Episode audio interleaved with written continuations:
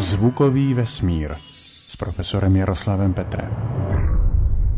Bývá dobrým zvykem, že vědci hovoří o svých objevech až ve chvíli, kdy je mají publikované v nějakém velmi solidním vědeckém časopise.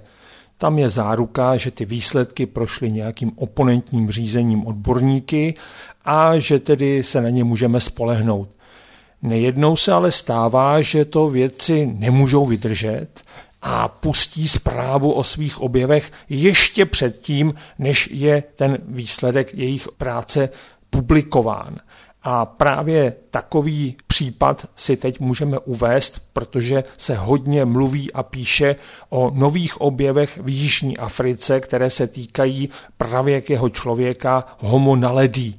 Naledí znamená hvězda v jazyce jihoafrických sotů a je to proto, že ostatky tohohle toho člověka byly nalezeny před deseti lety v roce 2013 v jihoafrické jeskyni, která nese název Jeskyně vycházející hvězdy. A tenhle ten hvězdný člověk, jak bychom to mohli přeložit, tak je poměrně malý.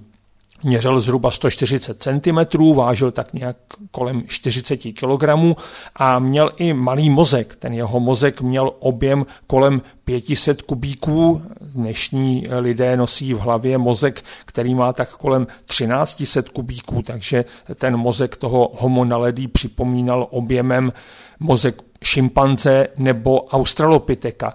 Tím je také ten homo naledi zvláštní, protože on v sobě kombinuje některé evoluční prvky, které jsou poměrně pokročilé, s prvky, které jsou velmi staré, právě se vztahují až k těm australopitekům. Takže to jeho postavení toho hvězdného člověka v tom evolučním stromu života současného člověka je poměrně zajímavé a výsadní. Je to tedy slepá vývojová větev, nevíme o žádném tvorovi, který by na homo naledí navázal a, a pokračoval ve vývoji.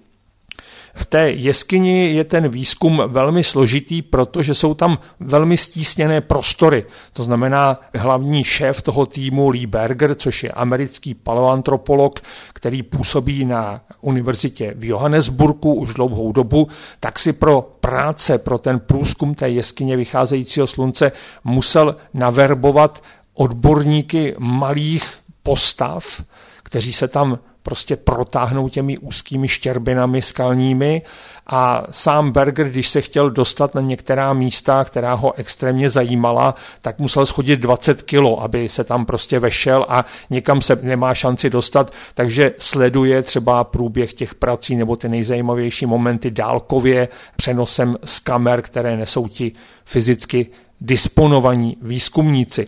A Poměrně záhy se objevily domněnky o tom, že ostatky, které se nacházejí v té jeskyni vycházející hvězdy, takže tam nebyly uloženy náhodně, ale že tam ti lidé byli pohřbeni. A teď právě Lee Berger a jeho tým připravil tři rukopisy, které byly zveřejněny v takzvaných preprintech, to znamená na databázích, kde jsou volně přístupné, ale kde to neprochází žádným oponentním řízením a zároveň jsou tedy tyhle ty tři rukopisy v oponentním řízení ve velmi solidním časopise, který se jmenuje eLife.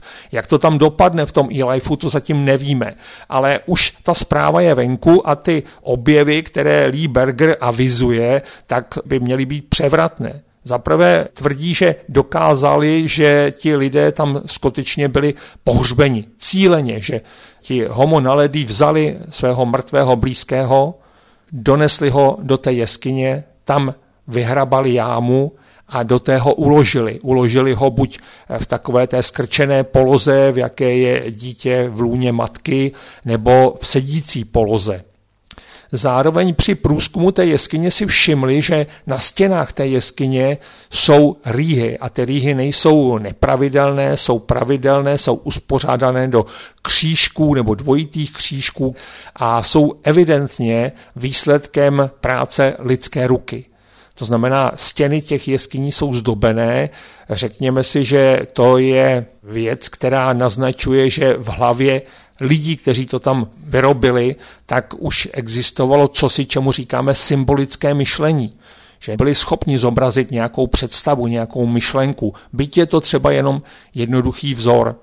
Dokonce v té jedné jámě s těmi ostatky byl nalezen kamenný nástroj a z analýzy umístění těch kostí, tak Lee Berger vyvodil závěr, že tam bylo pohřbeno dítě, a že to dítě mělo ten kamenný nástroj položený k ruce, aby ho mohlo používat. Tady zase tedy je to interpretováno tak, že je to jakési symbolické myšlení, že ten nástroj to dítě dostalo pro jakýsi posmrtný život, aby ho mohlo v tom novém světě, kam se dostane po smrti, aby ho mohlo používat, aby si s ním mohlo ulehčit život.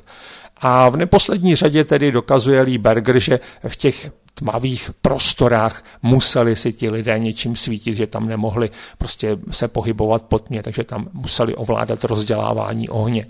Tohle to všechno jsou velmi silná tvrzení, protože by to znamenalo, že homo naledý předběhl v mnoha ohledech homo sapiens. Homo sapiens, eh, nejstarší doklady o jeho existenci jsou staré 300 tisíc let, to znamená, že tihleti lidé žili na severu Afriky, třeba v dnešním Maroku, žili zhruba ve stejné době, v které se tedy homo naledý pohyboval v Jižní Africe. Byli to tedy současníci. Ale zatímco nejstarší pohřeb homo sapiens je z Keni a je starý 78 tisíc roků a je tam pohřbené dítě v té jedné jeskyni, tak tady bychom tady měli pohřby, které jsou mnohem, mnohem starší. Také to symbolické myšlení, které se odrazí tedy v těch jeskyních, malbách a rytinách, tak by se posouvalo dál do minulosti, protože nejstarší doklady o symbolickém myšlení homo sapiens jsou staré 73 tisíc let a pocházejí z jeho africké jeskyně Blombos, kde tedy jejich autorem je zjevně homo sapiens. To znamená, byl tedy homo naledý tím průkopníkem předběhl homo sapiens v těchto těch unikátních činnostech, jako jsou obřady, symbolické myšlení, pohřbívání blízkých, pohřební rituály, předběhl homo sapiens. Zdaleka ne všichni vědci si to myslí a to je právě to, co je na tomhletom objevu a na té jeho interpretaci hlavně, co je na tom kontroverzní, protože ti věci říkají, tady není jasné, že bylo do jámy na dně jeskyně vycházející hvězdy uloženo tělo nebo štíka. Tam jsou kosti a zuby, které jsou tam různě zpřeházené a věci říkají, je velmi těžké dokázat, že třeba mrtvola, která se dostala do té jeskyně, tak kosti nebyly unášeny vodou, která tam natekla při prudkých deštích a nesedli si někde do nějakého dolíku a tam tedy vytvořili jakýsi depot těch kostí. Stejně tak není jasné, že ty rytiny na stěnách jeskyně vycházející hvězdy jsou 300 tisíc let staré, nejsou datované. To znamená, tam mohl přijít člověk homo sapiens ale ti věci várují před tou interpretací, že ten homo naledý byl právě ten genius, který prošlápl cestičku a, a byl jako první vlastně autor těchto těch vyšších duševních výkonů. Takže je to potřeba brát s velkou rezervou zřejmě a počkat si třeba i na to, jak dopadnou ty publikace v e-lifeu a počkat si na další výsledky, které můžou tahle ta tvrzení potvrdit a nebo naopak je můžou vyvrátit, protože ve vědě platí, že silná tvrzení je potřeba podložit velmi silnými důkazy. Tady vědci to hodnotí tak, že máme velmi silná tvrzení, ale síla těch důkazů, které jsou předkládány, tak tomu neodpovídá. Další příspěvky zvukové přílohy vesmíru najdete na vesmír.cz lomeno zvukem. Děkujeme za pozornost.